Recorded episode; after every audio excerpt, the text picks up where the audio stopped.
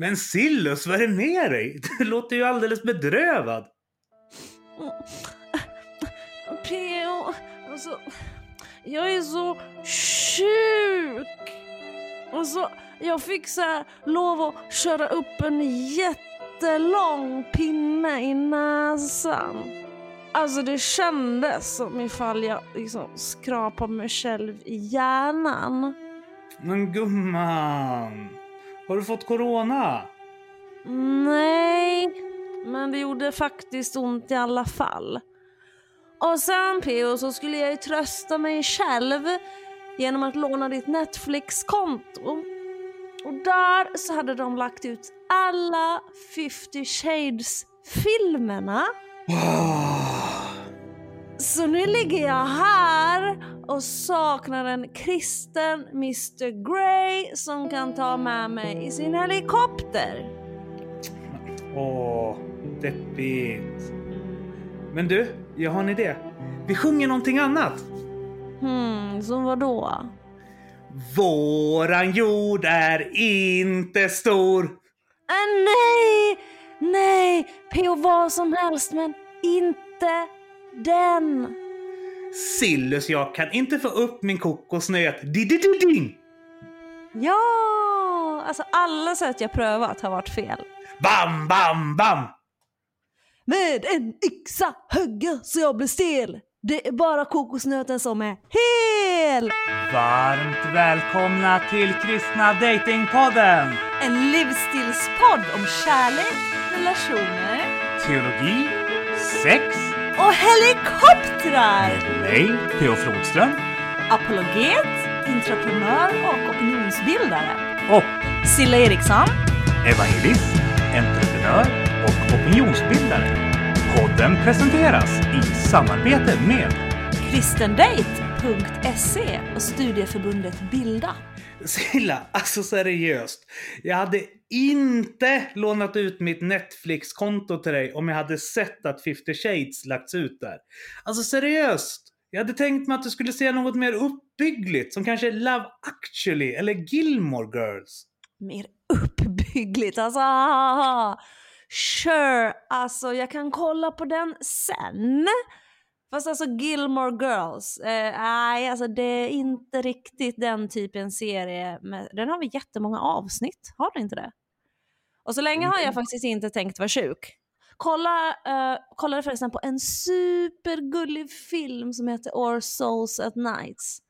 Så nu kan jag en helt ny, ha en helt ny glorious idé PO. Vågar jag fråga vad? Ja, vet du vad? Jag ska starta en Pool!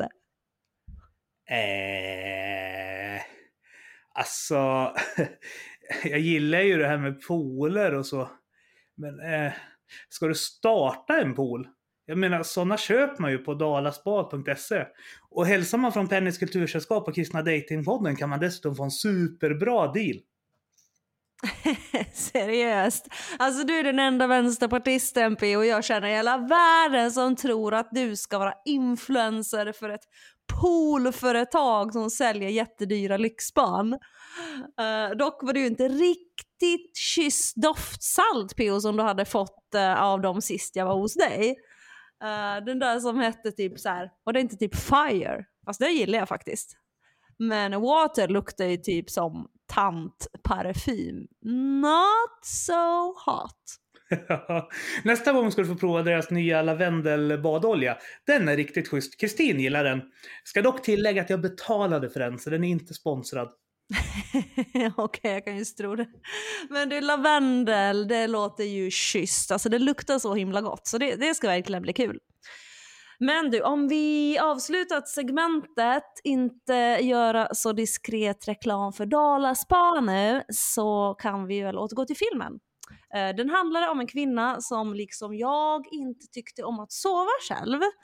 Så hon knackade på helt enkelt hos sin granne och så frågade hon så här om inte han kunde sova hos henne.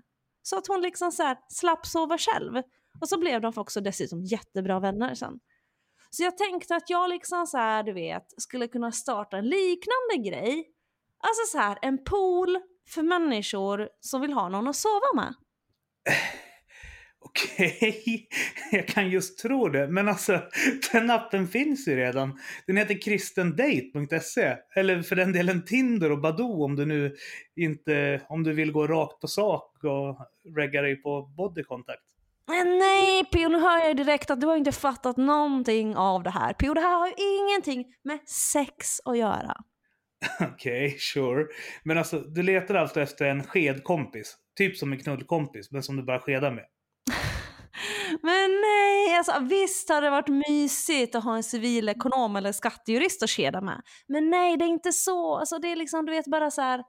Tanken är bara att man sover tillsammans.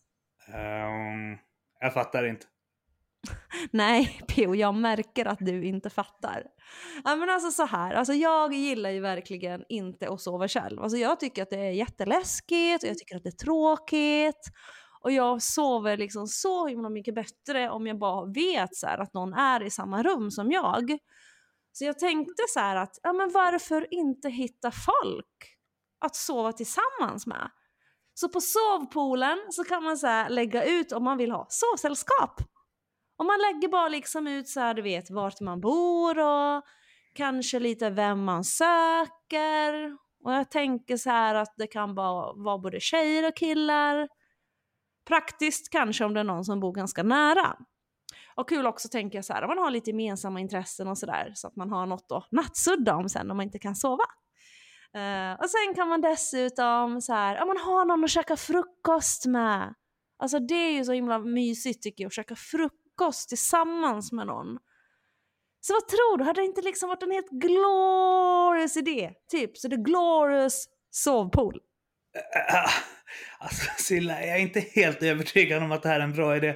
Jag tror att risken finns att en massa äldre desperata män kommer höra av sig och erbjuda dig sina sovtjänster.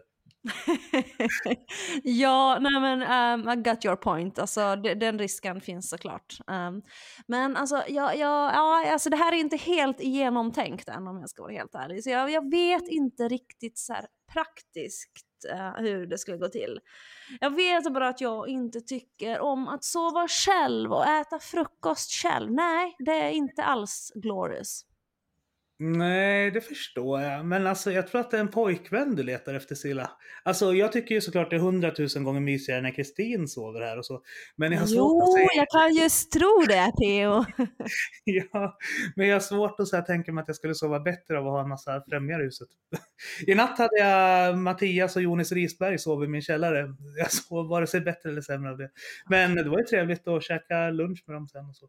Ja. Men du, sömnproblem ring till Fritjof. Han är bra på sömn och sånt. Och han har säkert ingenting emot att skeda heller.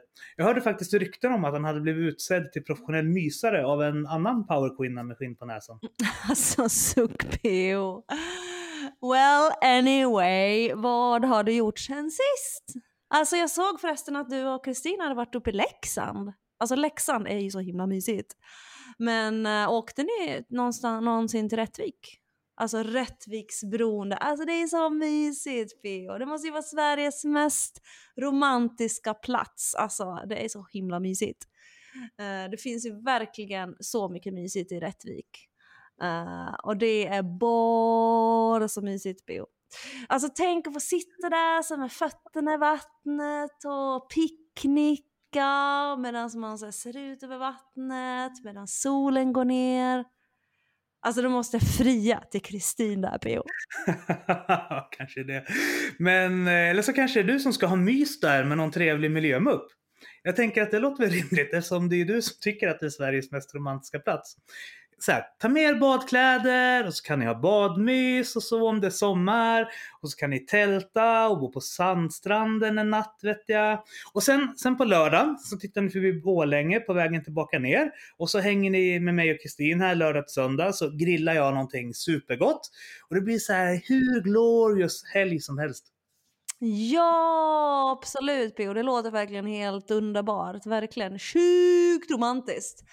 Men du P.O. vad, vad, vad ska du och Kristin hitta på för romantiskt i sommar?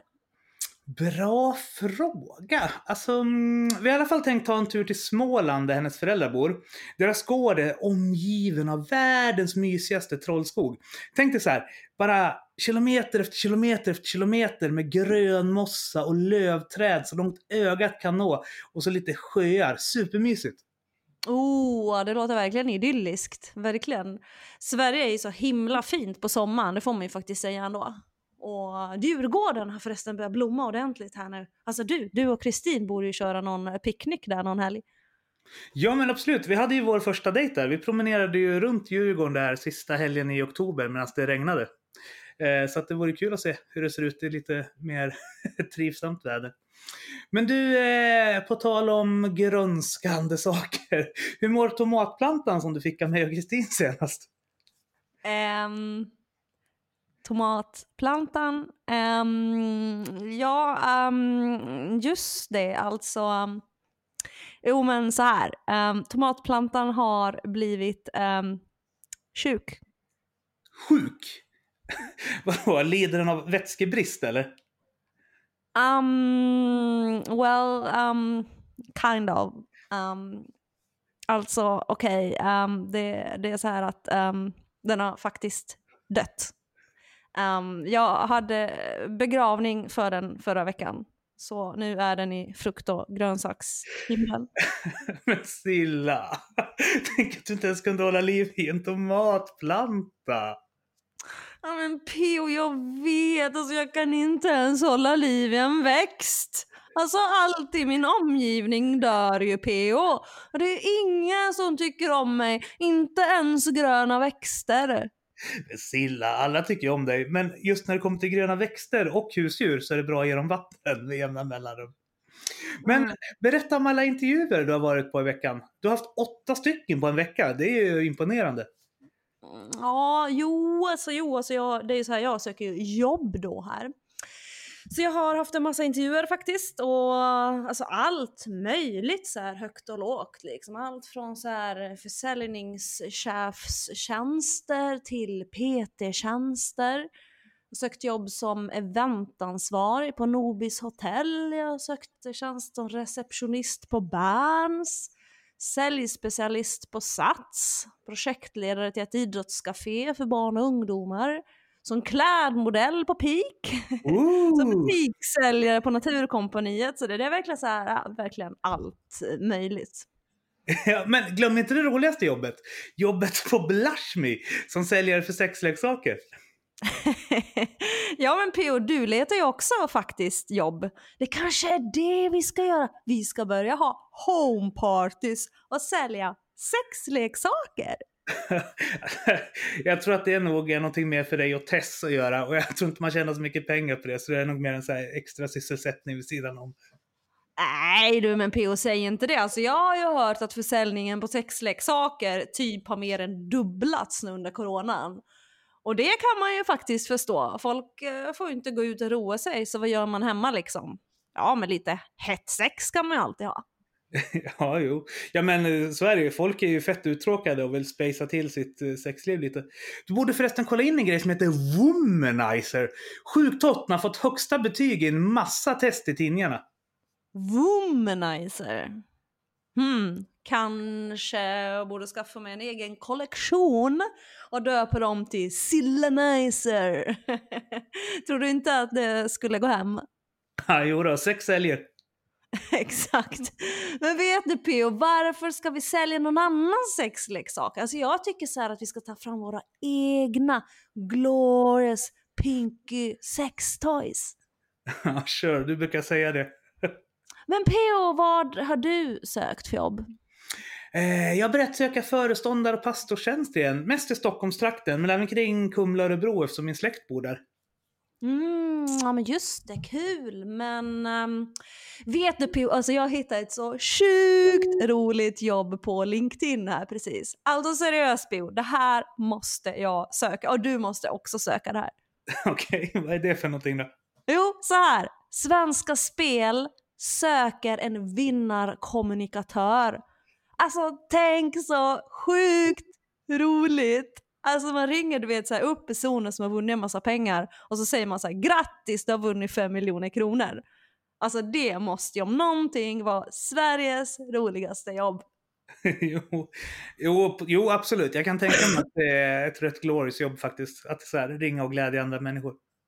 ja, men kan det ens räknas som ett jobb? Alltså vad var egentligen jobb? Men vet du Peo, nu ska vi inte prata mer om jobb.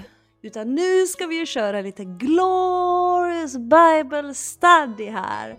Alltså jag håller ju på att läsa igenom Nya Testamentet och har nu kommit till Jakobsbrevet. Och jag gillar verkligen det PO. Alltså jag måste få läsa lite för dig här. Okej, så här står det Jakobsbrevet 1 och 2. Skatta er bara lyckliga mina bröder när ni utsätts för prövningar av olika slag. Ni vet ju att om er tro består provet så ger den uthållighet. Men uthålligheten måste visa sig i fullkomliga gärningar så att ni blir fullkomliga och hela utan någon brist. Om någon av er brister i vishet så ska han be till Gud som ger åt alla utan förbehåll eller förebrådelser och han ska få vad han ber om. Men han ska be i tro utan att tvivla. Alltså, jag vet ju att det här kristna livet, det är ju liksom inget, du vet, så här räkmackeliv. Men det är ju inte alltid så lätt att liksom så här skatta sig lycklig när man utsätts för prövningar. Alltså det svåra i det här är ju liksom, tycker jag, att, att våga lita på Gud. På att han liksom på något vis gör sin del i det här när man står mitt i de utmaningarna. För när man är mitt uppe i saker så känns det ju verkligen inte alltid så. Mm, ja du, alltså generellt har jag i likhet med Martin Luther lite svårt med just Jakobsbrevet. Och det är många så här, protestanter som har det. Samtidigt som det kanske är det mest intressanta just på grund av att Jakob var biologisk halvbror till Jesus. Och därför lär ha varit den som kände honom längst. Även innan han klev ut i tjänst. Eh, samtidigt, alltså så här, det som blir problemet för mig och många andra är att brevet fokuserar så mycket på gärningar. Vilket går emot mycket av hela den paulinska teologin. Samtidigt så tänker jag att vi får komma ihåg att, och det här gäller ju alla brev, att många av breven är pastoralbrev som är skrivna till specifika sammanhang. Och Jakob var ansvarig för Jerusalemförsamlingen, vilket gör att vi kan anta att den delvis adresserar, eller i alla fall att den kan adressera specifika frågor som uppkommit där. Samtidigt som den till sin form mer påminner om ett traktat som är ställt till en vidare läsekrets. Så att, ja, jag vet inte. Jakob blev dessutom martyr 62 då han senades till döds av en judisk mobb, så det måste ha varit författat i kristendomens begynnelse innan Paulus brev hade fått så stor spridning.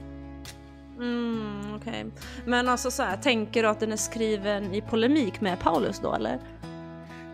Ja, alltså, det är svårt att säga beroende på hur gammal den är. Och en del menar att det till och med är författat före apostlamötet i Jerusalem som typ var 48-49 någon gång. Så då är det ju skrivet före de mesta av det som är skrivet i Bibeln i övrigt. Det är en av de äldsta texterna i så fall, i Nya Testamentet. Men jag tror, jag tror så här. Det skulle kunna vara så att den framför allt är en korrigering av missförstånd i Paulus undervisning snarare än polemik mot den. Ja, alltså det är ju ett brev som torde tilltala vänstermuppar om inte annat. Väldigt mycket attacker mot rika personer får man ju säga. ja, jo, kör. Fast du behöver nog inte oroa dig Tilla, för brevet tycks framförallt vända sig mot en kultur i församlingen där många hade hemfallit till en världslig livsstil igen, där de inte ens försökte omsätta ordet i lärjungaskap utan trodde på nåden alena så. Ja, jo, nej men just det, jag fattar. Eh, men alltså då går ju brevet egentligen inte emot Paulus utan just som du säger förtydligar vad han skriver om även om vi inte kan förtjäna frälsningen så är goda gärningen fruktan också från en god tro. Ja, jo. Och, och, och sen som sagt, alltså brevet tycks ju vända sig till en väldigt fattig och utsatt grupp som hamnat i konflikt med en mer välbärgad grupp inom församlingen. Så jag tänker att brevet verkar anta formen av en tillrättavisning mot rikas girighet snarare än mot rika per se så. Och jag tänker att ibland reagerar vi känslomässigt på starka formuleringar som utifrån vårt sammanhang leder tankarna fel. Därför menar jag att som evangelikal är det alltid viktigt att förstå den omkringliggande miljön och det sammanhang som breven talar in i. Nej men alltså precis, alltså jag, jag tror ju verkligen också så här att vi inte får låta känslorna styra för mycket utan att vi liksom så behöver mata oss med orden och liksom så här lita på att Gud faktiskt, alltså det som står i Guds ord, att det faktiskt är sant. Uh, däremot har ju jag, eh, liksom du, lite svårt för den här liksom motgångsteologin som RKK kör med.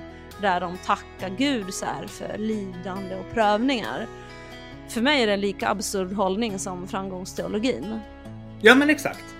Fast poängen här tror jag kan handla om att inte fastna i självömkan utan att se hur vi tillsammans med Gud även kan låta jobbiga situationer förvandlas till någonting fint utan att för den delen tillskriva eller tacka Gud för det jobbiga.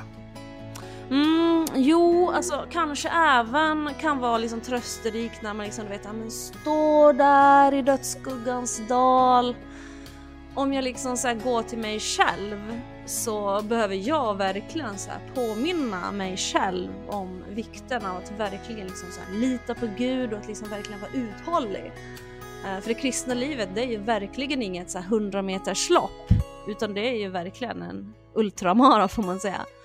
Eh, att verkligen så våga lägga ner mitt eget liv, min egen agenda och mina egna liksom tankar och lägga dem verkligen så helt och hållet alltså, i Guds händer. Um, för jag har verkligen så här insett att i de stunderna så känns allting plötsligt så himla mycket bättre.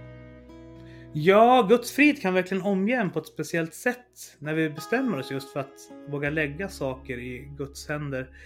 Det är därför som jag ofta brukar återkomma till att jag inte tycker att det är så bra att prata om den kristna tron, utan att istället prata om vad vi lägger vår tilltro i, faith och believe vart går vi någonstans för att söka vår, vårt tröst och vårt hopp? Och jag tänker att det finns en förtröstan i just det. Att kunna lägga vårt hopp och våra liv i Guds händer. Mm, ja men verkligen, absolut. Jag håller helt med dig. För när jag väl liksom bestämmer mig att jag verkligen ska göra det, för då kommer han att leda mig på gröna ängar. Då är han min herde. Då dukar han verkligen ett bord för mig, mina ovänners åsyn. Och han smörjer mitt huvud med olja. Och då kommer hans godhet och nåd alltid att följa mig alla mina livsdagar. Amen syster Yster! Men alltså så här, livet är ju inte alltid en dans på rosor, men Bibeln är tydlig med att i vår svaghet så blir Guds kraft störst oftast i våra liv. Kan vi bara förtrösta på det så känns allting mycket lättare. Vi som kristna behöver inte bära livets tunga bördor själva så. Nej men precis och det är ju det fina med att vara kristen. Alltså vi har ju inte på något sätt så färre utmaningar än vad någon annan har. Men skillnaden är ju att vi aldrig är ensamma i utmaningarna. Utan Jesus är alltid med oss oavsett hur det känns.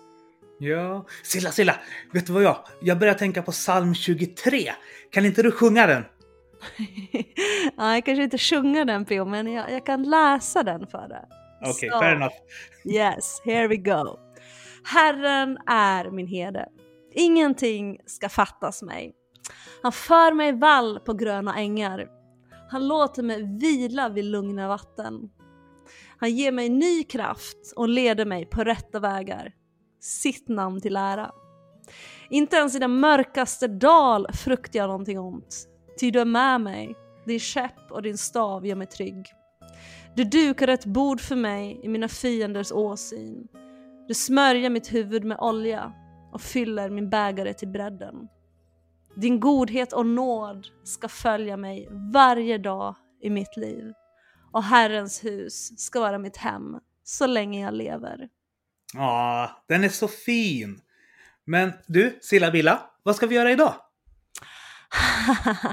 ja, men du, vi ska ju träffa Josefin Arrhenius för att prata om kärlek. Ah, mys! Yay! Och hon har ju en hel del tankar kring det här med vad som är rimliga och orimliga förväntningar i en relation och när man träffar någon. Ah, typ som att de måste vara civilekonomer. ja du, kanske det. Men bara så du vet så finns det betydligt fler civilekonomer i blåglansiga skjortor i världen än vad det existerar rödhåriga poptjejer i blommiga klänningar. Så kom inte och börja påstå att det är jag som är den kräsna av oss två igen. sure. Men du, vad tänker du då är rimliga kontra orimliga förväntningar på en partner? Huh, ja du PO, på senare tid så har jag verkligen börjat fundera på ifall det jag vill ha verkligen är vad jag behöver. Mm, fast alltså jag tror nog faktiskt att du behöver just en sån här lugn, trygg och blå man. Jag tycker i alla fall att det är skönt att Kristin är så lugn, blå och trygg vid sidan av sin sprudlighet. Jag är liksom som du ganska speedad ibland, så i en romantisk relation tror jag det kan vara bra ifall den ena parten håller nere takten lite. Mm, jo, fast det finns gränser för hur lugnt och blått och tryggt det kan bli innan jag börjar tappa intresset. Okej, ja, jag förstår det. Men du, innan vi bjuder in Josefin tänkte jag att vi skulle kolla in en annan Arrhenius. Aha, ah, du har inte bjudit in Jonathan och Johan va?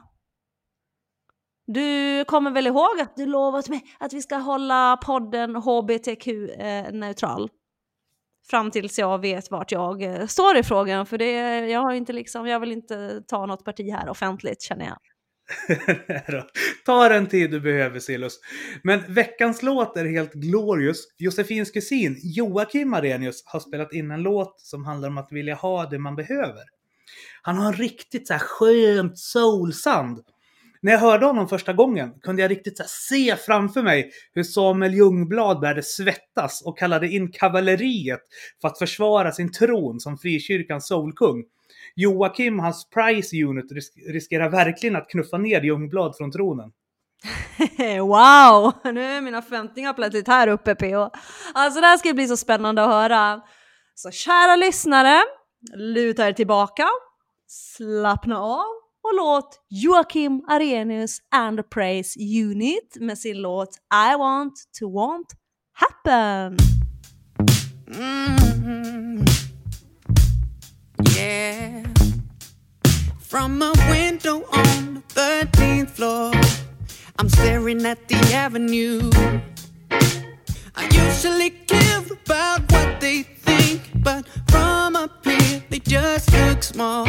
As I look upon the world like this, what do I really care about?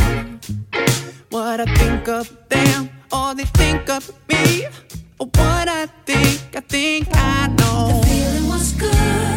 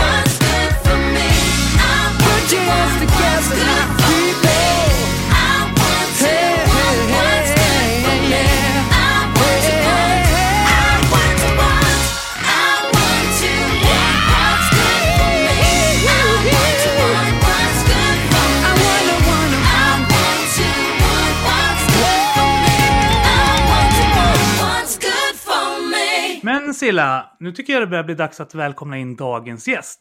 Idag har vi en helt outstanding gäst.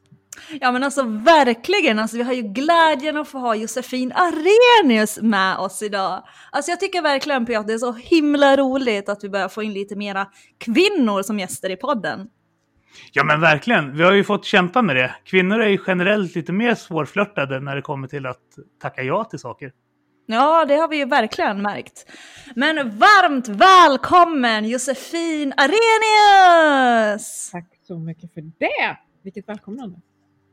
Alltså du är ju en jätte, alltså verkligen en så otroligt inspirerande person. Och du föreläser ju väldigt mycket just nu har jag sett. Och jag gillar ju också det här, liksom så här med att föreläsa och jag är ju supernyfiken på alltså hur liksom får du in föreläsningsuppdrag i den här tiden? För det är ju inte så lätt. Nej, det är det ju inte. Vi har också verkligen haft våra eh, månader av inte så mycket alls. Det var ganska dött här en del under hösten framför allt. Men för oss, det handlar lite grann om vilka ämnen man föreläser om, tänker jag. Eh, vi ligger som, jag driver företag tillsammans med två goda vänner och vi ligger just nu inne i jättestora sådana här europeiska socialfonden-projekt, vilket innebär att vi är inne på företag som ABB och Epiroc och Hitachi och vad de nu kan heta för att prata ledarskap. Och det är ju sånt där som människor behöver oavsett om det är pandemi eller inte. Så eh, nu är vi rätt så igång. När folk insåg att vi kan inte vänta in de fysiska mötena längre utan vi måste gå igång med det vi har bestämt att vi ska göra. Så jag står här vid min lilla dator hela dagarna, eh, tittar in Mm. på min lampa. Hmm. Jo. Ja, men du är ju engagerad i väldigt många saker och det du kanske främst är känd för just nu är väl We Are Mountain där ni föreläser väldigt mycket om generationsforskning och hur vi kan nå ut med olika budskap till olika målgrupper. Baserat på vilka kulturella värden de tar med sig in. Yes. Det vore intressant att höra få lite mer om lite senare i det här programmet också. Ja men absolut. Det, sätt igång mig bara så kan jag prata om det en timme. Ja, jag tänkte, för de av våra lyssnare som inte känner till det så mycket sedan innan, Mm. eh, kan du inte berätta lite grann om din bakgrund? Du har ju eh, hållit på med Frizon, denna Mm. legendariska frikyrkofestival och vad jag kan tänka mig en eh, naturlig plattform för dating och att träffa sin Skojar du? respektive. Absolut. Eh, nej men jättegärna. Josefin heter jag som sagt. Jag kommer från Örebro där jag nu också eh, bor igen efter ett antal år i, i eh, Stockholm. Eh, bor utanför soptippen på Väster här i stan. Eh, gift med Johan. Vi har två barn med sex och åtta år gamla. Jag har jobbat med ledarskap på olika sätt under hela mitt liv. Jag fyllde 44 häromveckan och eh, har de sista 25 åren jobbat med ledarskap på olika sätt. Bland annat var jag med och startade Frizonfestivalen som du är inne på, PO. Och vi har fått så mycket kritik genom åren för att folk är ju ändå bara där och raggar på varandra. Och vi sa det är skitbra, låt dem ragga. Ja! Eh, Och, och så gick det med det. Men eh, också förstås blev en plats där många faktiskt träffade sin livspartner och eh, vi, vi möter ofta människor när vi reser runt i landet så där som säger att vi träffades på frizon, jag och min man. Tack! Det är roligt. Sen har jag varit journalist på dagen rätt många år. Jag har jobbat rätt mycket inom Evangeliska Frikyrkan. När jag träffade min man så var han ordförande för Ekumenia och då var jag tvungen att gå in där några år och jobba där innan jag kunde dra med honom tillbaka in i EFK. Så vi hade en liten samfundskamp där några år. Och eh, nu sedan några år tillbaka så driver jag då tillsammans med mina kompisar bolaget We Are Mountain. Och vi jobbar som sagt med generations och kulturkrockar framförallt. Ja men vad spännande, det låter ju som att du har väldigt, väldigt många olika bollar i luften och är väldigt engagerad i många olika saker. Så vad är det du brinner absolut mest för just nu? Eh, nej, men det har nog varit samma sak genom hela mitt eh, liv egentligen. Jag brinner väldigt mycket för unga ledare. Det har varit min så här, eh, och, det är nog sen jag själv, jag var 22 tror jag när jag fick den där Frizonfestivalen i knät en tisdagkväll och insåg att här står jag och ska leda 600 ideella och 5000 deltagare och jag har ingen aning om vad jag håller på med. Eh, och att då upptäcka att det fanns människor runt omkring mig som valde att ta mig under sina armar och eh, på, på kloka, visa sätt leda mig framåt så att jag i min tur kunde leda andra eh, var en, en magisk upplevelse och och där har jag levt kvar. Så att, att få, få uppmuntra, stötta och se unga ledare växa har varit en sån där jättenyckel för mig. Och nu mer och mer som vi började titta på generationsfrågorna så har jag också fastnat i frågorna om att hjälpa unga människor att zooma ut i sina egna liv. Hur kan jag ta tre steg bakåt och se lite utifrån på mitt eget liv och förstå vart jag ska och vad jag vill någonstans. Och, eh, självklart blir detta också en stor del för mig som, som kristen, eh, som, som önskar och längtar Mm. efter att unga människor ska få möta Jesus. Mm. Ja, men vad spännande verkligen. Och idag så ska vi prata om relationer. Det är ju en väldigt stor del av vårt liv på olika sätt. Vi har ju väldigt många olika typer av relationer. Ehm, och det är ju, ja, vi brinner ju för alla möjliga typer av relationer egentligen. Och det är ju väldigt många i vår ålder har vi konstaterat, PO, som är singlar och som letar efter sin livspartner men som upplever att det är väldigt, väldigt svårt på, på olika sätt. Um, varför tror du Josefin att uh, en del av oss har så svårt, ja, men just när det kommer till det här och liksom så här, träffa någon? Oh, ja. Ja, men, eh, vi, vi kanske ska backa bandet om, tänker jag, om det här med, med att det är svårt att träffa någon. Eh, jag är ingen jättebra person att svara på den frågan för jag försökte undvika att träffa någon ganska länge. Eh, så ibland när jag möter den här, liksom, hur ska jag hitta någon, så tänker jag inte vet jag, jag har sprungit och gömt mig själv hela livet. Så, på så vis är jag inte alltid eh, riktigt rätt person för det. Men, men jag tänker ju också utifrån mitt, mitt jag på säga forskarperspektiv, men då skulle akademikerforskarna eh, kräkas. Jag är ju inte forskare, men vi läser ju allt som går att komma åt de unga generationer till exempel. Och det är svårt för oss med alla de krav vi har idag att träffa någon att leva tillsammans med, för att det är för många parametrar som ska in. Det går inte ihop sig. Det är egentligen ganska logiskt om man tittar på det utifrån. Mm. Men kan du se att eh, det finns olika utmaningar i de olika generationerna? Ifall vi till exempel skulle ta 70-talisterna, 80-talisterna och 90-talisterna. Vilka skillnader finns det där i hur de söker och letar efter sin partner? Vilka outtalade krav och förväntningar de har på en livspartner? Eh, ja, men det är ju superintressant och då ska vi först och främst komma ihåg att vi är individer. Eh, det behöver man ju alltid säga i det där. Vi är mer individer än vår årgång, eh, precis som det är löjligt med färger eller annat när vi gör personlighetstester. Men, men det är helt klart så att det finns ju skillnader i hur vi är fostrade.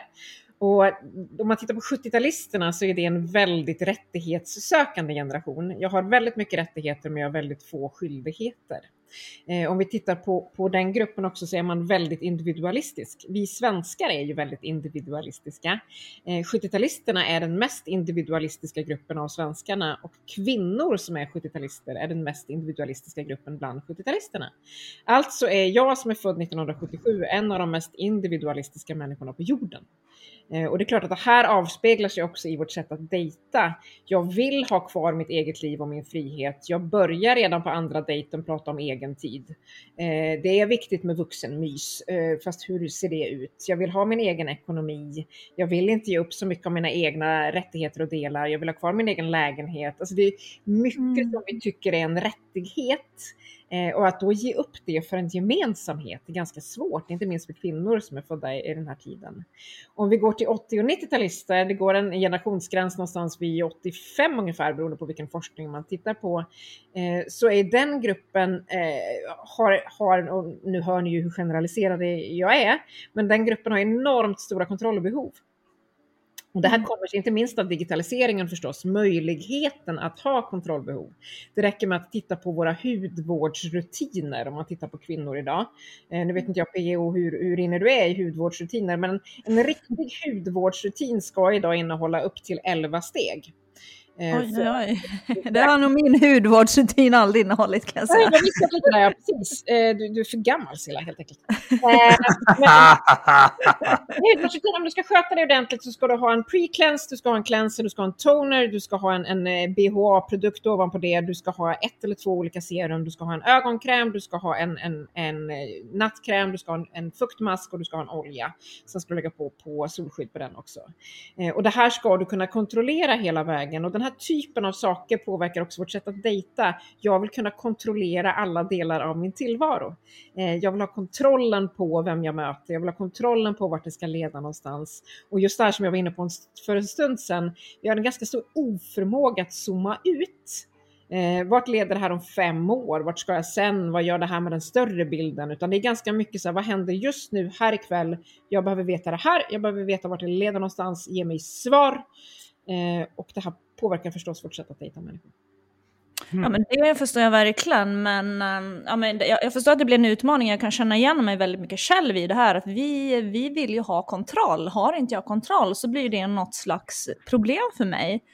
Så någonstans blir det ju då i att ska man ge sig ut och dejta och ska man träffa någon som man verkligen vill bli ett med och kunna bli det, då krävs det ju någonstans att man måste kunna släppa kontrollen.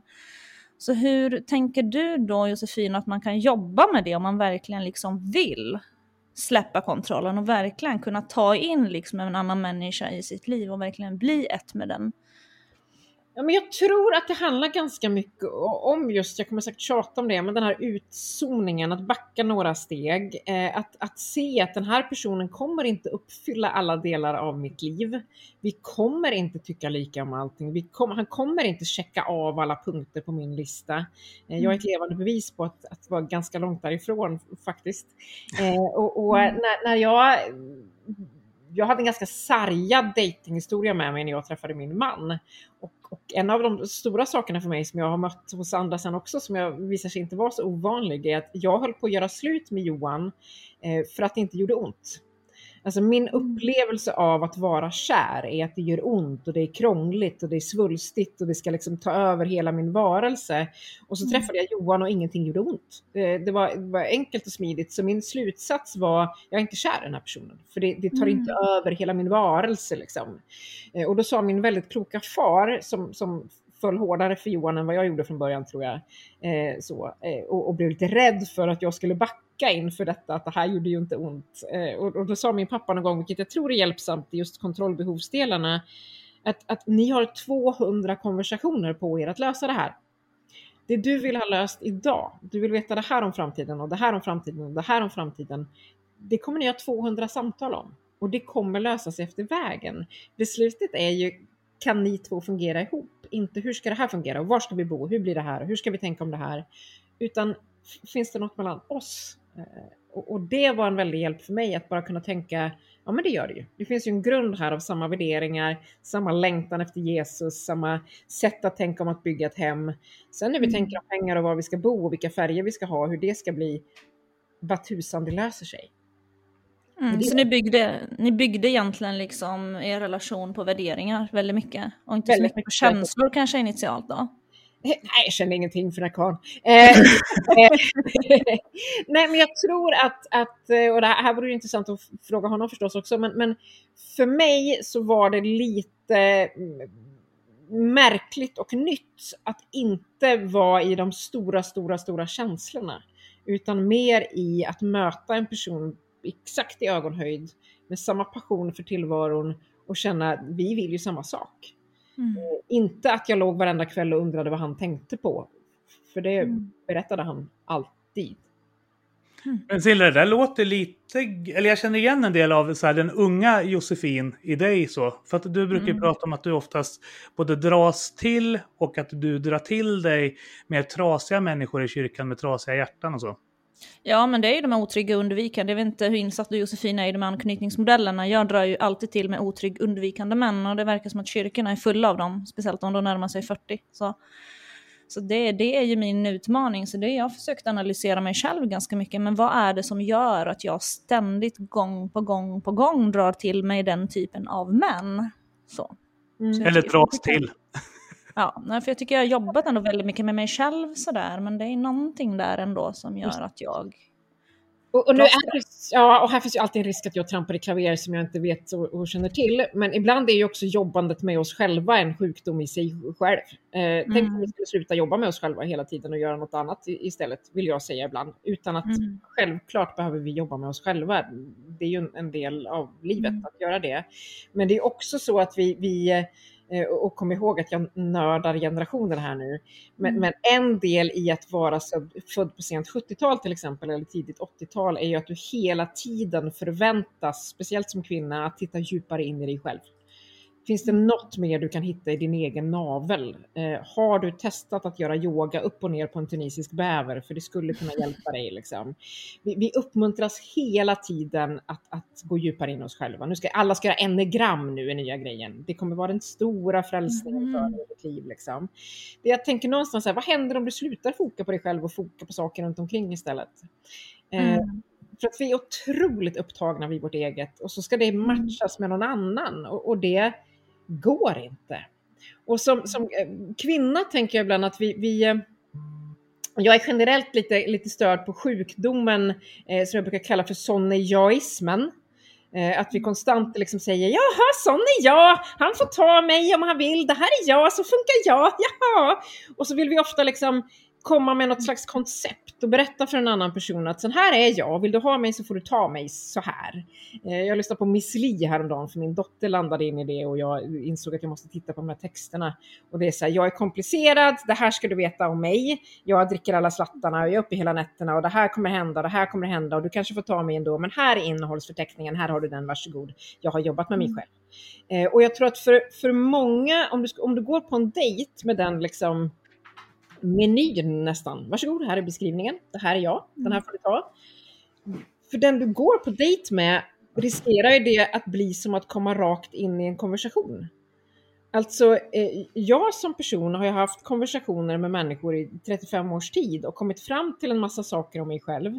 Men när jag möter den här nya människan jag har framför mig så är det ibland som att jag fortsätter konversationen. Ja, och så, så funkar jag så här och så här och så här och så här. Stämmer det in för dig? Mm. Medan den här personen säger hej, vem är du? Så. Men, men ju mer vi har dejtat, ju fler personer vi har dejtat tror jag, ju mer kommer vi med någon slags eh, CV. Vi hanterar Mm. dejten som en anställningsintervju. Här är mitt. CV, så här har jag jobbat med. Mm. Mm. En del av våra gäster har ju pratat om det här konceptet med hypergami. Att just de här olika digitala plattformarna som finns för dating nu gör att vi blir mycket mer kräsna. Är det någonting du kan se i din generationsforskning? Men du fokuserar mest på näringsliv, men jag tänker att det kan även avspegla sig där att de yngre generationerna på gruppnivå blir mycket mer specifika i vilka önskemål de har på en arbetsgivare till exempel. Visst är det så. Eh, det är ju ganska vanligt idag, eller du kan ta för givet idag till exempel att du som arbetsgivare är googlad redan innan en anställningsintervju. Eh, alltså man, man har kollat upp den här chefen. Eh, när jag sökte jobb när jag var 20 så smög man in på en arbetsplats som man skulle på en intervju och man smög ut för man ville inte att de skulle veta om att man sökte jobbet ifall man inte fick det. Idag går vi ut med det på plattformar och säger jag söker jobb och nu ska jag på den här intervjun och jag är på väg hit.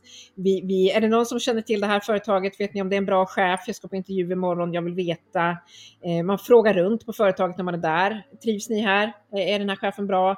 Alltså man har mycket högre krav eh, och, det är vad vi kallar för rekommendationsgenerationen. Alltså vi lever i en rekommendationsekonomi. Jag tror inte det har kommit till dejtingsajterna än, men jag gissar att man snart kommer kunna börja ratea liksom, fyrstjärnigt, femstjärnigt på dejterna även där. Du kan ju inte gå ur en butik idag utan att få ett utvärderingsmail. Eh, Mm. och, och det där är klart att det avspeglar sig också på vårt sätt att dejta människor. Eh, vad har du för rating sen innan? Liksom? Vilket håll ska jag swipa åt här?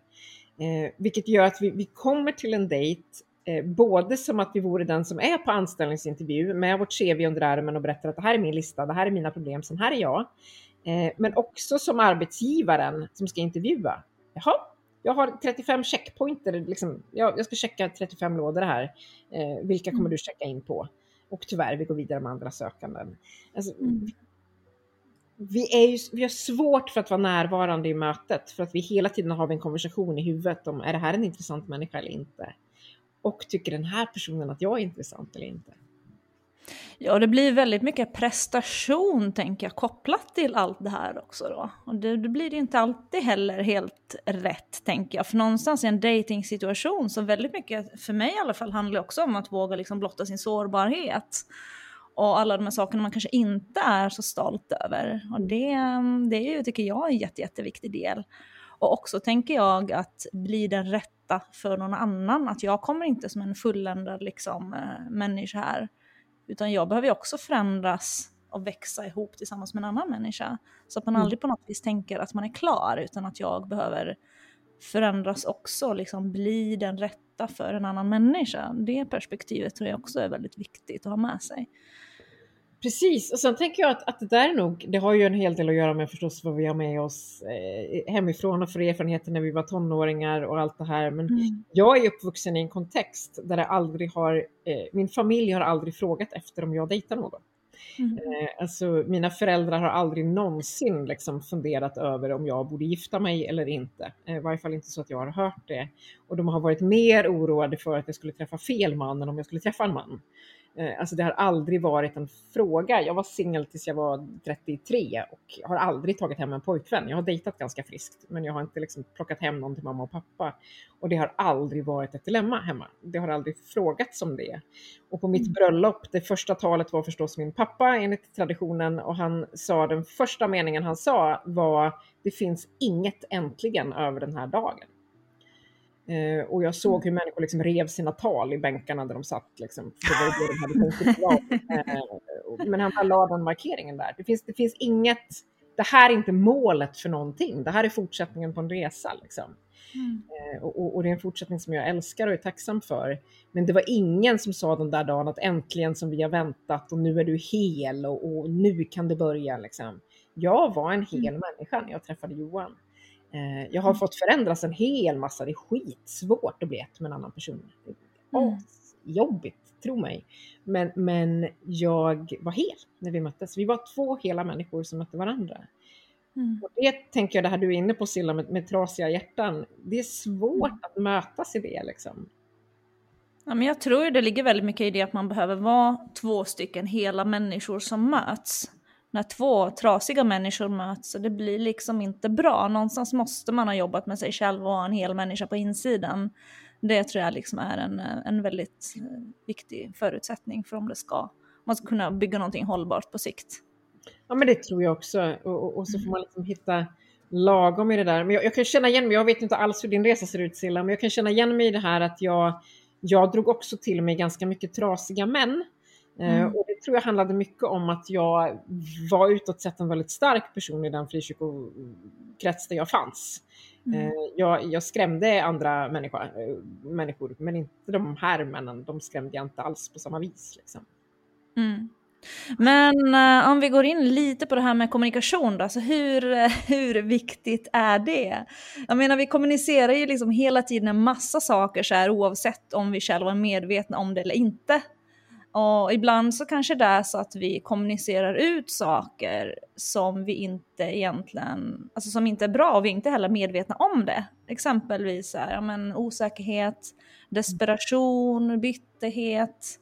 Alltså hur kan man jobba med det? Dels att bli liksom medveten om det, men också att eh, förändra det.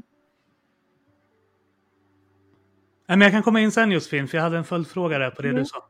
Eh, nej men jag, jag tänker så här, för, för det första tänker jag eh, det, här varumärkesbyggandet vi sysslar lite med, eh, lite till mans. Jag tror att vi skulle skaffa oss modet att lägga ner det. Eh, att inte hålla på så mycket med det. Eh, jag har ju levt hela mitt vuxna liv med att få höra att jag är en så stark och modig kvinna. Det är ju Mm. det liksom standarden jag alltid får till mig. Du är så stark och modig och självständig. Mm. Och jag har ju till exempel fått höra från det var en kvinnlig pastor som tog mig åt sidan under mina frizonår. Och så sa hon att jag hör så mycket gott om allt det du gör och jag är så tacksam för hur du leder och, och, och det är så många som ser upp till dig. Men en sak ska du veta, det är att du kommer vara singel. Eh, för kristna män faller inte för kvinnor som du. Ja, men det där får jag också hela tiden höra. Eh, och, och det är ju liksom det är så korkat att säga till någon för hon hade ingen aning om vart jag befann mig i livet. Men, men, men det jag tänker är ju också då, vad väljer jag att kommunicera ut? Eh, för, för eh, mitt mål är ju att kommunicera ut en ganska sann Jag har ganska mycket integritet. Jag är inte så mycket för att träffa kompisar och sådär. Jag är en ganska introvert typ, det tror folk sällan. Men jag, jag träffar tre, fyra nära vänner, inte så mycket mer. Jag tycker inte så mycket om att umgås med folk och så här. Men jag har blivit mer och mer mån om att, att signalera ut en ganska sann bild av vem jag är till människor. Jag utstrålar inte något så här superkäckt och superstarkt hela tiden, för då kommer jag ju dra till mig det superkäcka och superstarka, eller de som faller för det, som i min värld upptäckte jag var det ganska trasiga. Eh, och de här männen som var ganska så eh, coola själva och ganska trygga i sig själva, så de var inte superintresserade av den där jättestarka, jättekäcka kvinnan som, som de trodde att jag var. Utan det var ju mötet med den jag kanske är runt pubbordet en tisdag kväll som någon kunde falla för mig. Liksom. Den här lite mera avmätta, inte så himla käcka typen som faktiskt var lättare att falla för för att det fanns inte så mycket uppbyggda föreställningar. Så jag tänker vad jag, vad jag kommunicerar eh, blir ju viktigt för, för jag möter ganska mycket både kvinnor och män skulle jag säga som säger att de, de tror att jag är den här som jag är från en estrad. Och, och, och så blir det så tokigt då när man ska falla för varandra. Och jag tänker, men hoppa ner från den estraden. Var inte det. Och, och, då menar jag inte, var inte i din kallelse. Det är klart du ska vara på estraden om, du vill, om, om det är där du är kallad att vara. Eh, och, och det där kan bli en konflikt i sig. Men visa också vem du är i dina sociala medieflöden, i, i, i mötet med andra människor. Visa andra och fler saker än det där som du kanske hela tiden tycker står emellan dig och den du vill möta.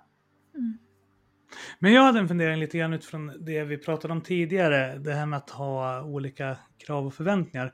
För jag, funderar, för att jag brukar ju skoja med Silla ibland och säga att hon är kräsen och sådär, men sen när hon då börjar fundera på att bli mindre kräsen, då blir jag så här, fast det var, inte, det var inte så jag menade, för jag menar det är bra att du är kräsen, för att en kräsenhet, tänker jag, speglar en form av insikt i sitt självvärde så. Eh, men det vi kan det, det jag har hört, i alla fall från många tjejer inom frikyrkomiljö, är att just den här numerära obalansen mellan killar och tjejer inom frikyrkomiljön gör att männen blir orimligt kräsna. Och jag tänker det vore lite intressant att höra vad du har för tankar kring det. Eh, ja, alltså jag, jag har ehm, jag har aldrig varit någon som frikyrkokillar har tittat åt överhuvudtaget. Eh, så jag kan ju känna igen mig i det. Fram till att jag var 22 var jag en, en jättetönt. Jag var den som var töntigast i vårt gäng. Jag kunde inte sjunga, jag kunde inte spela innebandy jag var inte snygg. Det var de tre grejerna som liksom gällde i min kontext. Eh, jag var utanför, jag fick vara glad om jag var medbjuden. Liksom. Så, så att i en, en, en kyrkkontext har jag aldrig varit den som en, en, en frikyrkokille tittat åt, utan de, de första männen som tittade åt mig var icke-kristna killar eh, som såg något annat och som såg något, liksom, jag, jag spelade teater och jag var jättekreativ och jag gjorde massa saker som, som killar föll för utanför kyrkan men inte i kyrkan. Och sen hamnade jag plötsligt i en situation där jag började leda den största ungdomsrörelsen i, i frikyrkan i Sverige under en period och då var jag ju inte intressant för att jag var för stark. Så då föll jag ju ur den ramen också. Liksom. Så jag, jag har ju aldrig varit den person som frikyrkokillar har fallit för någonsin. Punkt slut. Liksom. Så jag kan känna igen mig i det du säger Pio om att, att eh, sen om det har varit för att man har varit kräsen eller om det har varit för att man bara har följt den givna liksom. Jag tror att ni har varit inne på det där i den här podden en del att, att det har funnits tjejer för de killarna att välja lite mellan och så har man valt någon och sen har man gått vidare. Man har gift sig ganska tidigt, man har eh, hittat sitt och haft sitt på det torra på något sätt. Det jag har upplevt har blivit min grej ganska mycket eh, och som jag är tacksam för. Jag har, mycket, jag har alltid haft mycket mera killkompisar än tjejkompisar, eh, lättare för det. Och jag blev under ganska många år den här som liksom när, när- när killarna hade en barnfri kväll så, så träffade man mig på puben. I- Inte som ett liksom jag har säkert skrämt någon kvinna någon gång, men det hoppas jag inte. Jag är en trohetsjunkie ut i fingerspetsarna. Men jag hade ju tjejkompisar som bara, du min man vill prata politik, jag orkar inte, kan inte du och han gå och ta en öl? Jag Bara, jo, absolut. Alltså jag, jag har varit den här, tror jag, ganska sköna typen att hänga med en, en kväll. Men jag har aldrig varit den som någon blir kär i, eh, någonsin, eh, egentligen. Så jag vet inte vad jag ska svara på den frågan, för att jag, jag upplever det dilemmat också. att eh, i varje fall vissa delar av frikyrkligheten så är män fortfarande fostrade att falla för mycket gulligare tjejer än mig. Ja, men det är jätteintressant Josefin det du säger, för jag känner ju exakt igen mig i princip i allt det du säger, för det är precis samma problem som jag har. Jag är ju inte, kanske inte heller den här tjejen som en kille faller för så, men jag har otroligt mycket manliga vänner. eh, så. Men jag är ju ingen typisk frikyrkotjej som är stöpt i den här mallen och jag är liksom kanske inte den typen som man vill ha som sin fru. Så. Mm. Eh, Det var- någon av mina killkompisar som, som eh, eh i en väldigt kyrklig kontext som tittade på mig och en av mina bästa kompisar en gång när vi var i tonåren. Och så tittade han på henne först och så sa han du är en sån här kvinna man vill gifta sig med. Och så tittade han på mig och så sa han du är en sån här kvinna som man vill ha sex med. Eh, ja. Jag förstod väl inte riktigt vad han menade just där och då. Men, men det liksom, jag, jag tänker ibland, och, och då är ju också frågan vad gör vi med det? För att, för att jag tänker att Gud lägger kallelser på våra liv. Vi ska vara de vi ska vara eh, och, och vi ska vara där vi är satta att vara. Så jag tänker ju inte att, att, att jag eller du Silla, att vi ska göra om oss för att passa i någon mall. Det blir bara idiotiskt förstås. Mm. Och samtidigt kan jag fundera på i andra änden, bara ur ett rent mänskligt perspektiv, inte ur en liksom, nu måste jag träffa någon att leva med, utan bara i mötet med andra människor, hur mycket av mig själv och konceptet jag måste jag konstant presentera?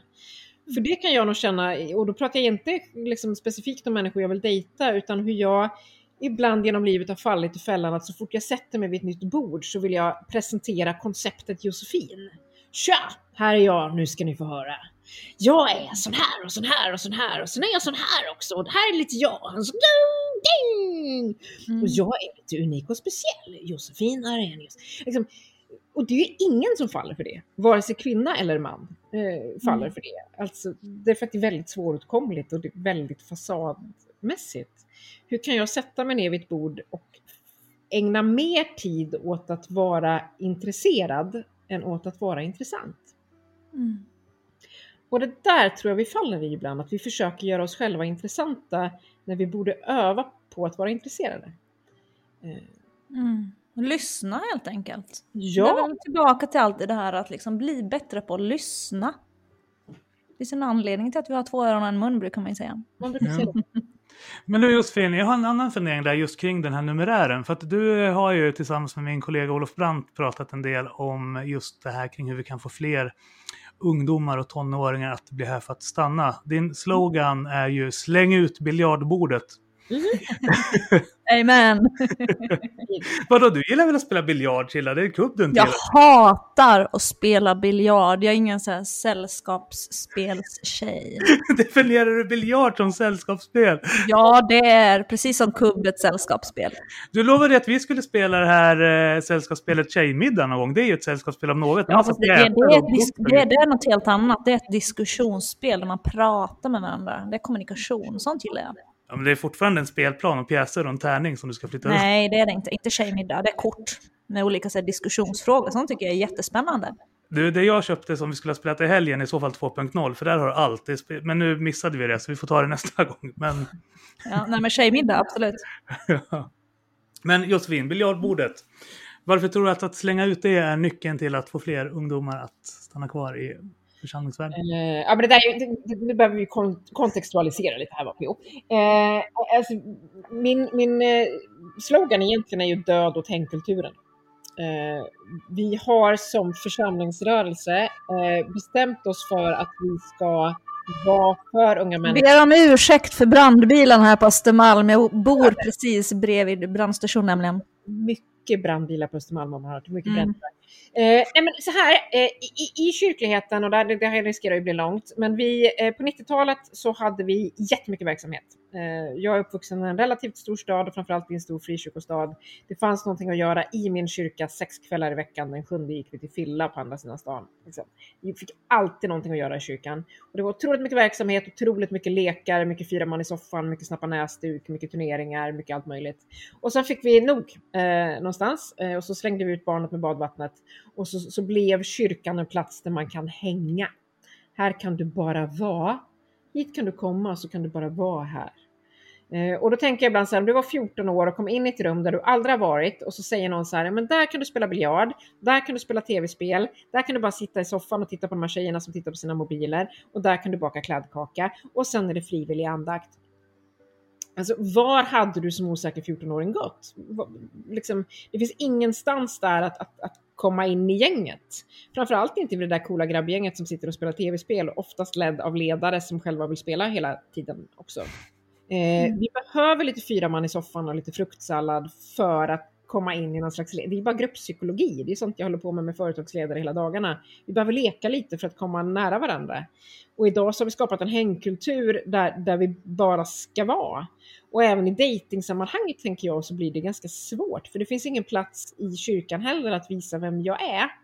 Utan, utan man ska liksom eh, glida runt där med någon slags mingel.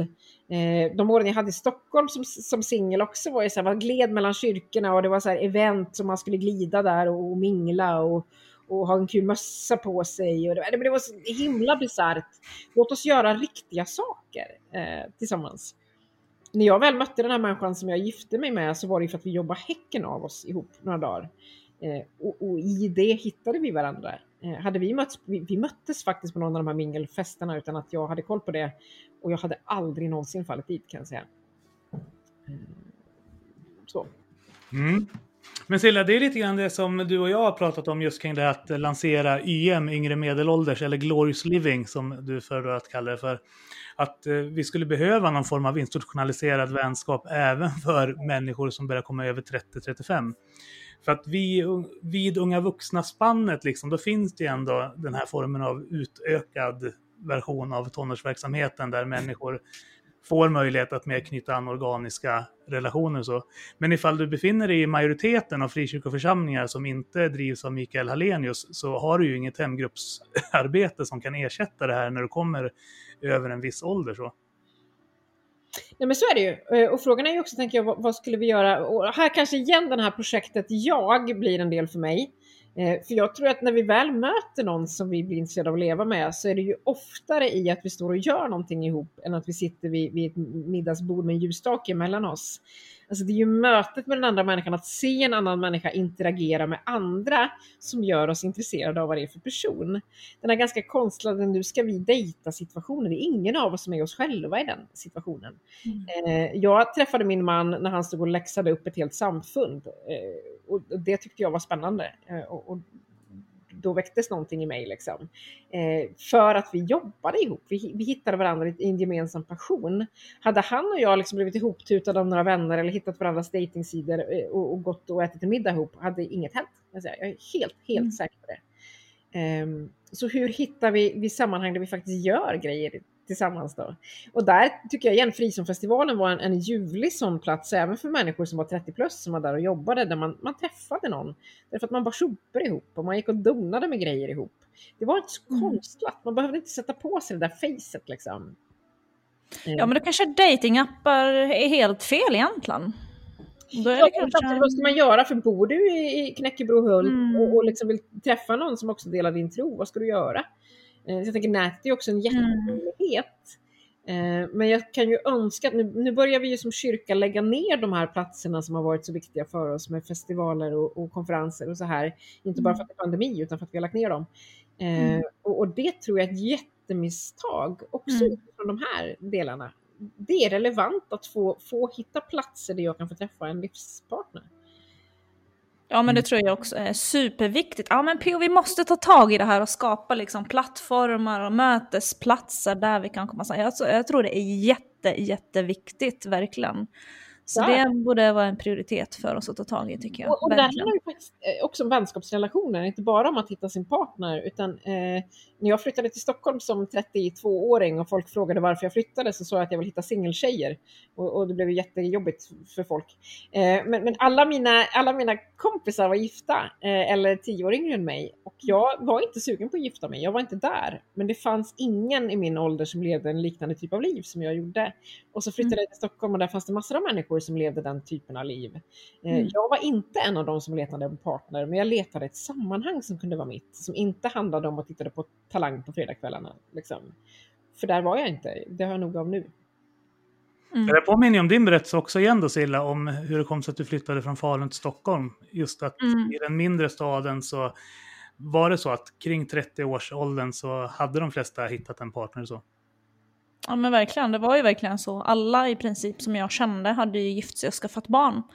Och det blir, visst man har ju kvar dem men det blir ju ändå liksom där att man drar inte iväg på weekends på helgen eller liksom hittar på saker på det sättet. Så att man blev ju väldigt ensam. Men här i Stockholm är det ju precis som du säger Josefin, här finns det människor i samma livssituation som man är själv, som man faktiskt kan hänga med. Mhm. Så det var ju en, en, en stark orsak till varför jag valde att flytta till Stockholm också. Och det tänker jag, det, jag gjorde eh, för att träffa vänner var ju att jag hoppade in i en teatergrupp. Eh, nu är jag ju gammal skådis sen innan så det var inte ett så stort steg för mig. Men att hitta in i en improvisationsteatergrupp där vi, vi hängde och hade skitroligt några kvällar i veckan och, och sådär. Så har man ju plötsligt ett socialt sammanhang. Jag tror på det där med att göra saker tillsammans. Eh, och så lyckades jag börja dejta en av deras kompisar sen så det var ju jättebra. Men, men hur jobbar ni med det här i Emanuelkyrkan? Har ni verksamheter för människor som är singlar och 35 plus? Eller Eh, har ni hemgrupper kanske? Eh, Vi har hemgrupper, fast vi inte är i Hallenius så har vi hemgrupper. Eh, Och vi har, vi har ett unga vuxna-arbete som har exploderat. Från att inte ha haft några unga vuxna alls så hade vi ett 60-tal här innan pandemin bröt ut. På, ett, på ett år liksom. Och det är ju för att vi har haft enormt skickliga ledare som valde att, att ta tag i det. Jag bara älskar skickliga ledare. Eh, Men vi har faktiskt ganska så få människor skulle jag säga som är 30 plus och singlar.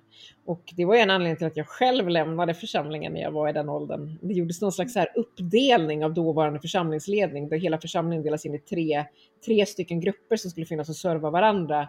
Och det var unga vuxna upp till 30, det var barnfamiljer och det var eh, äldre med utflyttade barn.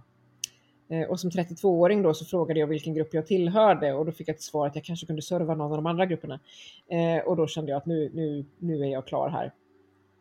Eh, Så, därför att vid 30 kändes det som att folk hade gett upp på något vis. Och jag själv hade nog inte ens börjat leta, så det, det var lite speciellt tyckte jag. Ja, men ehm, Josefin, har du några datingtips då? Om du skulle få ge tre stycken datingtips till alla våra kära singlar som lyssnar på det här. Vad skulle du vilja säga till dem? Visst har du varit delägare till Seventh Heaven dessutom, eller Solid Love? Så jag Nej, tänkte- nej, jag, jag jobbade på de som ägde dem, så jag ska, Ja. personligen var jag inte det. Men jag, jag, absolut, jag jobbade på, på Swedmedia som ägde den, så jag hade faktiskt en, en, en profil där, och, vilket kändes så dumt, för jag letade inte efter någon, utan jag skulle bara kolla hur det funkade, så jag kände mig som en sån himla ful människa, vet jag, för att jag tänkte att här ska man ju vara om man vill vara här. Eh, så. I- Nej, men datingtips för mig skulle nog vara lite grann så här, eh, luta dig in både fysiskt och mentalt. Alltså försök vara intresserad av den människan du möter. Det är så oerhört lätt att man lägger allt fokus igen på att försöka verka intressant. Har jag rätt kläder på mig? Ser jag rätt ut? Eh, säger jag rätt saker? Vad händer om du försöker släppa det och istället luta dig in i det samtalet och försöker vara intresserad? Eh, det är det ena tänker jag.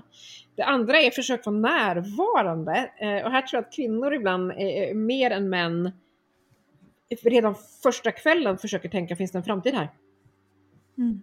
Det är otroligt oviktigt om det finns en framtid där eller inte vid första dejten. Liksom, var bara där och, och då, så får man se vart det tar sig sen, tänker jag. Så att, att luta sig in och att vara närvarande, eh, tänker jag är ett, ett, två tips. Och ett tredje tips är fundera över hur du vill att de här dejtingrollerna ska se ut. För här kan jag uppleva när vi tittar på, och det märker vi hela tiden när vi läser generationsgrejer också, med risk för att folk tycker att jag förråder mitt eget kön här, men kvinnor eh, förvirrar män. Eh, och inte minst kristna kvinnor förvirrar män.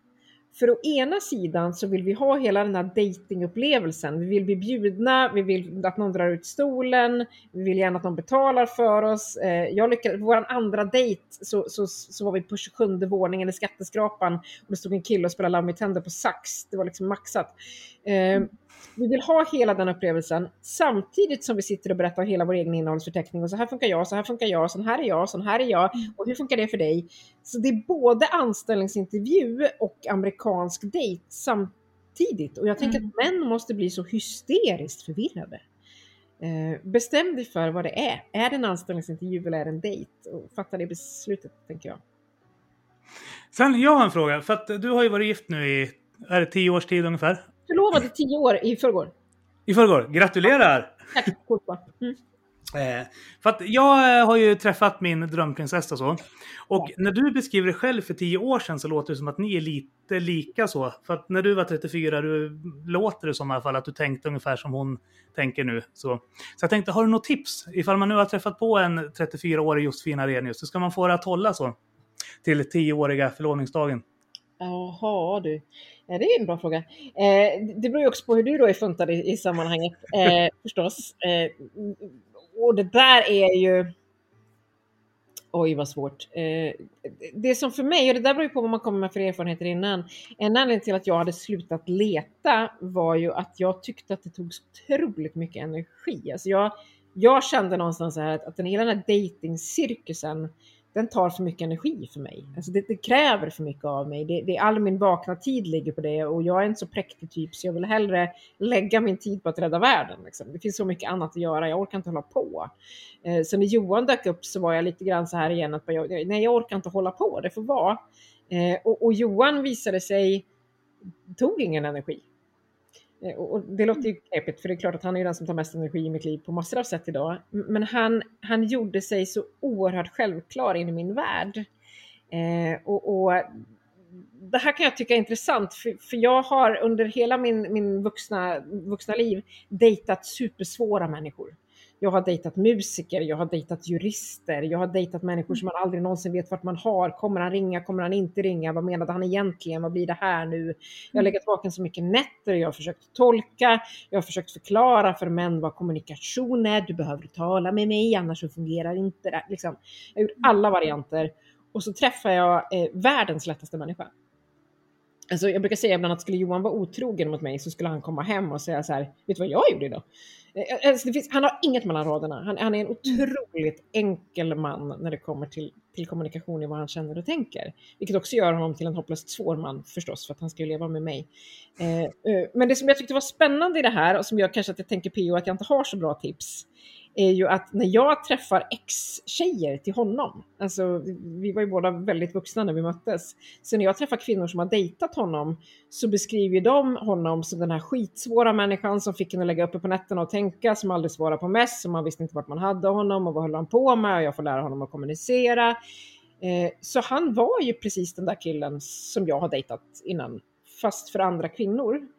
Mm. Eh, min poäng är att när vi mötte varandra och inte på ett så här rosenskimrande sätt utan bara det klaffade i någonting som gjorde att jag har inte en dag i mitt liv upplevt honom som, som den svåra killen. Eh, jag upplever honom som svår och vi har våra konflikter och vi bråkar om saker. Men han har aldrig varit den här människan som jag undrar vart jag har. Eh, därför att någonting klaffade. Och när jag träffar mina ex-killars fruar de är inte så jättemånga, men, men jag, jag tänker på ett specifikt ex. Så hans fru beskriver ju sin man som lite alldaglig och småtrist. Medan jag tyckte att han var magisk och svår och vem är han och vad vill han liksom. Jag fick ta med mig ett sudoku varje gång vi skulle träffas det tog 15 minuter för honom att svara på saker. Medan hans fru säger så här, ja, ja, ja, det är så lätt och enkelt. Alltså det händer ju någonting när vi klaffar rätt med någon. Och där tänker jag P.O. att jag kan inte ge dig så mycket råd, för har du hittat din drömprinsessa, då har ni klaffat i varandra där. Och behöver du råd av karaktären hur du ska behålla henne, eh, då kommer det ta slut i varje fall. Eh, däremot så finns det ju massor av råd som någon skulle behöva ge min man också om att, att komma ihåg att uppvakta mig lite oftare och eh, allt det där som, alltså, som kommer med ett tioårigt äktenskap med små barn och sömnbrist. Ni får jättegärna messa min man och säga att han borde bjuda mig på middag ikväll. Liksom, det finns massa sånt och han har säkert massa mess som han tycker att någon borde skicka till mig. Men råd om hur man ska få det att hålla? Nej, det är något som har klaffat rätt mellan er. Kör på det och var inte för på. Mm. Ja, men det är jätteintressant Josefin det du säger och jag känner igen mig så otroligt mycket i det du säger. Speciellt det här med att, liksom, att vara i en relation som tar energi. Alltså när jag tänker efter, jag tror aldrig att jag har dejtat någon eller haft en relation som faktiskt har gett mig energi. Utan mm. det tar så otroligt mycket, jag kan säga, liksom så äta upp mig liksom. Jag tycker mm. att det, är så fruktansvärt, alltså det tar så fruktansvärt mycket från mig så jag kan bli helt slut sen när jag dejtar någon. Och då tänker jag, det låter ju lite Josefin som du också har träffat mycket så här kanske män. Där har vi ju P.O. pratat ganska mycket om kanske män och kanske kvinnor. Hur tycker du Josefin att man ska hantera dessa kanske män? Ja, men jag tänker nog så här att, att för det första, som jag sa inledningsvis, så har jag haft med mig en grundhållning i att det finns inget, inget eh, självuppfyllande i att gifta sig. Eh, alltså jag, jag har inte tänkt att det är ett mål i livet som man måste nå till. Eh, träffar inte jag rätt person så kan jag vara ensam, eh, vilket ju gör att jag har inte legat i riskzonen för att ta en kanske-man för att bli gift. Liksom. Mm. Det har inte varit mitt dilemma. Däremot har jag dejtat en massa kanske-män, men det har handlat om att jag har blivit kär eller förälskad och, och velat så gärna att den här personen ska vara rätt. Eh, jag har en klant, jag dejtade en man som sa kanske till mig i sju års tid. Eh, Mm. och liksom gick tillbaka till mig när det inte funkade med andra och så här. Otroligt plågsam version som jag gärna hade besparat både mig själv och gärna berätta för andra att man ska bespara. Alltså har du en person som, som säger kanske sen vi får se, gå. Eh, använd all kraft du har i dig och gå därifrån. För då får han eller hon ångra sig sen. Men stå inte och Mm. vänta liksom. det är bara puckat. Eh, men däremot så har jag ju befunnit mig i situationer och relationer där jag har tänkt och förhandlat med mig själv för att jag har blivit så kär. Alltså jag är så kär i den här personen så nu försöker jag stöpa in honom i mitt, i mitt mått på något sätt. Eh, och, och insett efter ett tag att jag gör både honom och mig illa för han vill inte bli den här personen jag behöver. Och jag kommer jobba ihjäl mig. Och jag har ganska svårt för att ge upp när jag väl har gett mig in i någonting. Eh, så för mig blev ju, då när jag träffade personen som jag faktiskt lever med idag, så höll ju jag på att ge upp för att jag inte behövde kämpa, för att det inte tog så mycket energi. Och jag misstolkade det för att då inte vara på riktigt. Det här är nog inte helt sant och på riktigt av den enkla anledningen att, att jag inte måste slita ihjäl mig. Eh, men jag skulle också hävda med bestämdhet att, att eh, de där kanske-männen, lägg ner det. Alltså, gå. Och jag vet att det är lättare sagt än gjort för det är så mycket man söker av närhet och av, av bekräftelse och allt det där som man vill ha. Men, men eh, tar det mer energi än det ger, så gå därifrån. Eh, Det är nog faktiskt det, det enkla och det, det låter präktigt och enkelt från andra hållet. Eh, Men också då kanske tillbaka till förväntningarna, har vi för höga krav? Jag är ju gift med den absolut bästa mannen jag vet i hela världen. Men han kanske har fyra boxar på min lista av 35 möjliga. Alltså han, han är så fel som någon kan bli. Eh, han, han, han, pratar fruktansvärt fort, han låter mig aldrig slutföra en mening. Han kommer från en bondgård på landet, jag avskyr allt som inte har med städer att göra. Han är scout, eh, han är missionsförbundare från början. Han, han, han klappar på ett och tre. Alltså, det är så mycket som är så vansinnigt fel. Så hade jag haft den där listan framför mig, som jag ju också haft i mitt liv, av, av en spännande musikalisk trummis som egentligen vill bli jurist. Och, eh, så hade vi aldrig gått på dejt. Vi hade aldrig eh, swipat på varandra på Tinder. Vi hade aldrig, aldrig connectat på en dejtingsida. Eh, och han golvade mig fullkomligt att göra den idag. Liksom. Och, och han är ingen kanske-man någonstans, men han checkar inte in en enda ruta. Alf B. Svensson pratade ju om det där när vi träffade honom så illa också, om att relationer som uppstår och skapas lite högre upp i ålder har en mycket högre sannolikhet att hålla. Eh, på grund av att vi är mycket mer, som Josefin använder begreppet, hela som människor när vi börjar komma över 30-strecket så. Mm. Eh, jag, jag brukar ibland dra en, en eh, jag, är, jag är väldigt, väldigt romantiskt lagd. Jag är en oerhörd romantiker och ganska stor dramatiker. Och eh, när den dagen jag och Johan blev ihop så hade han bjudit mig på picknick i Hagaparken. Och jag, min bästa kompis var i Stockholm och jag skröt om att jag äntligen hade träffat en man som gjorde liksom saker för mig. Så här, äntligen slipper jag göra allt själv. Han, han ska bjuda mig på picknick. Och sen när vi väl kom till Hagaparken så hade han tagit med sig en filt och en kniv och glömt picknicken. Så det blev ingen picknick. Eh, så, så det var så här, ha, eh, sen när vi firade sex månader, det var mitt i vintern, så drog jag hem till hans lägenhet och så gjorde jag en picknick på hans golv. Köpte allt jag kunde tänka mig för en picknick eh, och så tände jag ljus. Så när han kom hem från jobbet så var det en stor picknickfilt på hans golv. Och han kom hem och pratade i telefonen när han kom hem. Så han öppnade dörren, såg picknicken på golvet, stängde dörren och gick ut och pratade färdigt i 20 minuter, för han pratade med en polare i telefon. Eh, och jag har på allvar fortfarande inte riktigt förlåtit honom. Alltså, det är på riktigt så att det här kommer upp mellan oss ibland, att jag fortfarande är lite sur. Liksom. Att han inte förstår att, att i, här kommer jag med den största romantiska gesten någonsin och han, han, han vill bara prata klart med Fredrik. Liksom. Det, det, det är viktigare. Eh, och när han väl kom in sen så var det så här, ah, mat, vad bra! Så, eh, och, och han checkar ju inte in på den där romantiska sidan av mig. Liksom. Eh, men han checkar in på hela mig. Eh, på alla möjliga delar av mig och kan göra mig till den tryggaste, lyckligaste människan på jorden. Eh, så skulle jag gå och mäta efter det där hela tiden, då, då jag hade ju kunnat göra slut den dagen. så. Men jag gjorde inte det, för det fanns något större där. Och, och då är vi igen tillbaka i behovet av att zooma ut lite grann. Eh, så. Och förlåt Johan att jag outar den här storyn. Men, men, eh, Men jag tycker det är jätteinspirerande att höra. Framförallt så tror jag att det kan vara väldigt goda tips och råd för oss alla att ta till oss av. Att eh, inte låsa oss så mycket kanske vid våra egna uppsatta mallar och ramar för hur vi tänker att ska vara utan att hela tiden försöka se utifrån hur den andra personen uppfattar en situation och vilka behov den har ja, men kanske. Mm. Yes. Ja, men vi kanske får börja avsluta där då. Men äh, jätteroligt Josefin att få ha med dig och jag måste ju säga jag känner igen mig själv så väldigt mycket i väldigt mycket av det du beskriver. Så verkligen superroligt att få höra alla dina tankar och, och funderingar. Äh, verkligen. Ja, men tack för att jag fick komma. Det. Sånt här pratar man ju aldrig om. Det är ju jättespännande. Eh, Jag Mm. hoppas verkligen att, att eh, vi känner att det kan finnas mer att samtala om här. Och jag skulle vilja peppa er att ta tag i den där mötesplatsen ni pratade om. Jag tror att den behövs både för vänskapsrelationer och för, för kärlek faktiskt. Kan vi inte starta frizon igen? Ja!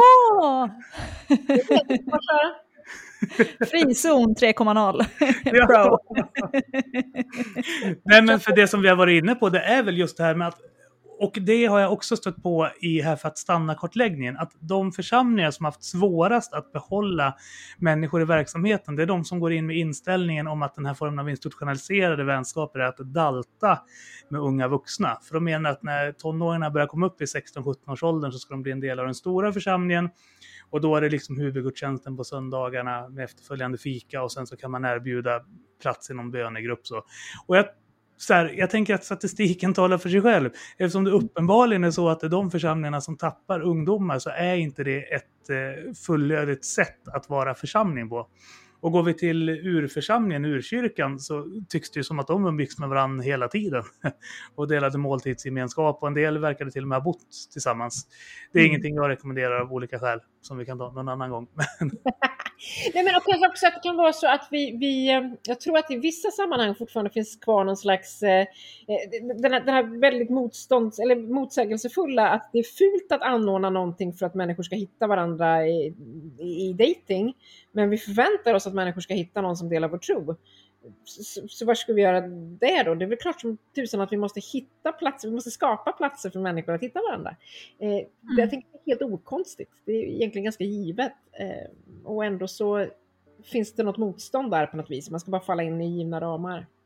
Eh, och jag tror också att det kan finnas en rädsla i kan jag prata ibland med mina vänner om som gifte sig mycket tidigare, att, att man gifte sig tidigt och man gjorde det i den här stöpta formen och så är man lite rädd för det som finns utanför den, eh, därför att man kanske aldrig riktigt har fått verktygen till att samtala om konflikterna eller samtala om olikheterna eller vad det nu är, för man har bara gift sig och eftersom vi ser giftermålet som ett mål och inte som en start så är man ganska lämnad i sticket efter det. Vilket gör att man blir lite rädd för och lite, lite utmanad av människor som är i ens egen ålder när man är över 40 men lever själva. Det är lite läskigt. Vad, kommer du här och presentera ett livssätt som skulle kunna vara mer attraktivt än det jag står i och vad händer då? Och lite grann som man tänker att skilsmässor smittar. Så tänker man att, Mhm. att singelskapet smittar på något sätt. Eh, och, och det blir supertokigt. Mm. Silla, när pandemin är över så drar vi till Örebro. Och sen så gör vi någonting glorious i Emanuelkyrkan med Josefin tycker jag. Ja, men absolut. Vi ska åka på Sverige-turné sen när ehm, pandemin är slut. Men du har inte tagit helikopterkort. Datingpodden on tour. Vad sa du? Du har inte tagit helikopterkortet än. Du skulle ju göra det nu under pandemin så vi kan åka helikopter runt hela Sverige. Ja, ja men precis. Ja, ja, jag får, jag får göra det. buss nu istället så att det blir, det blir långsammare. Men... Ja, precis. Ja, vi får ta det i en van annars. En glorious van. Ja, men precis. Vi får göra det. Glorious Pinky Van. Mm. Precis. Men Silla, Ja, ska vi avsluta som vanligt med att önska alla våra lyssnare en stor puss och kram! Stort tack för att du har lyssnat på Kristna Datingpodden. En livsstilspodd i samarbete med kristendate.se och studieförbundet Bilda. Mig, Silla Eriksson och Med mig, Theo Flodström. följ oss på kristendate.podbean.com och Spotify.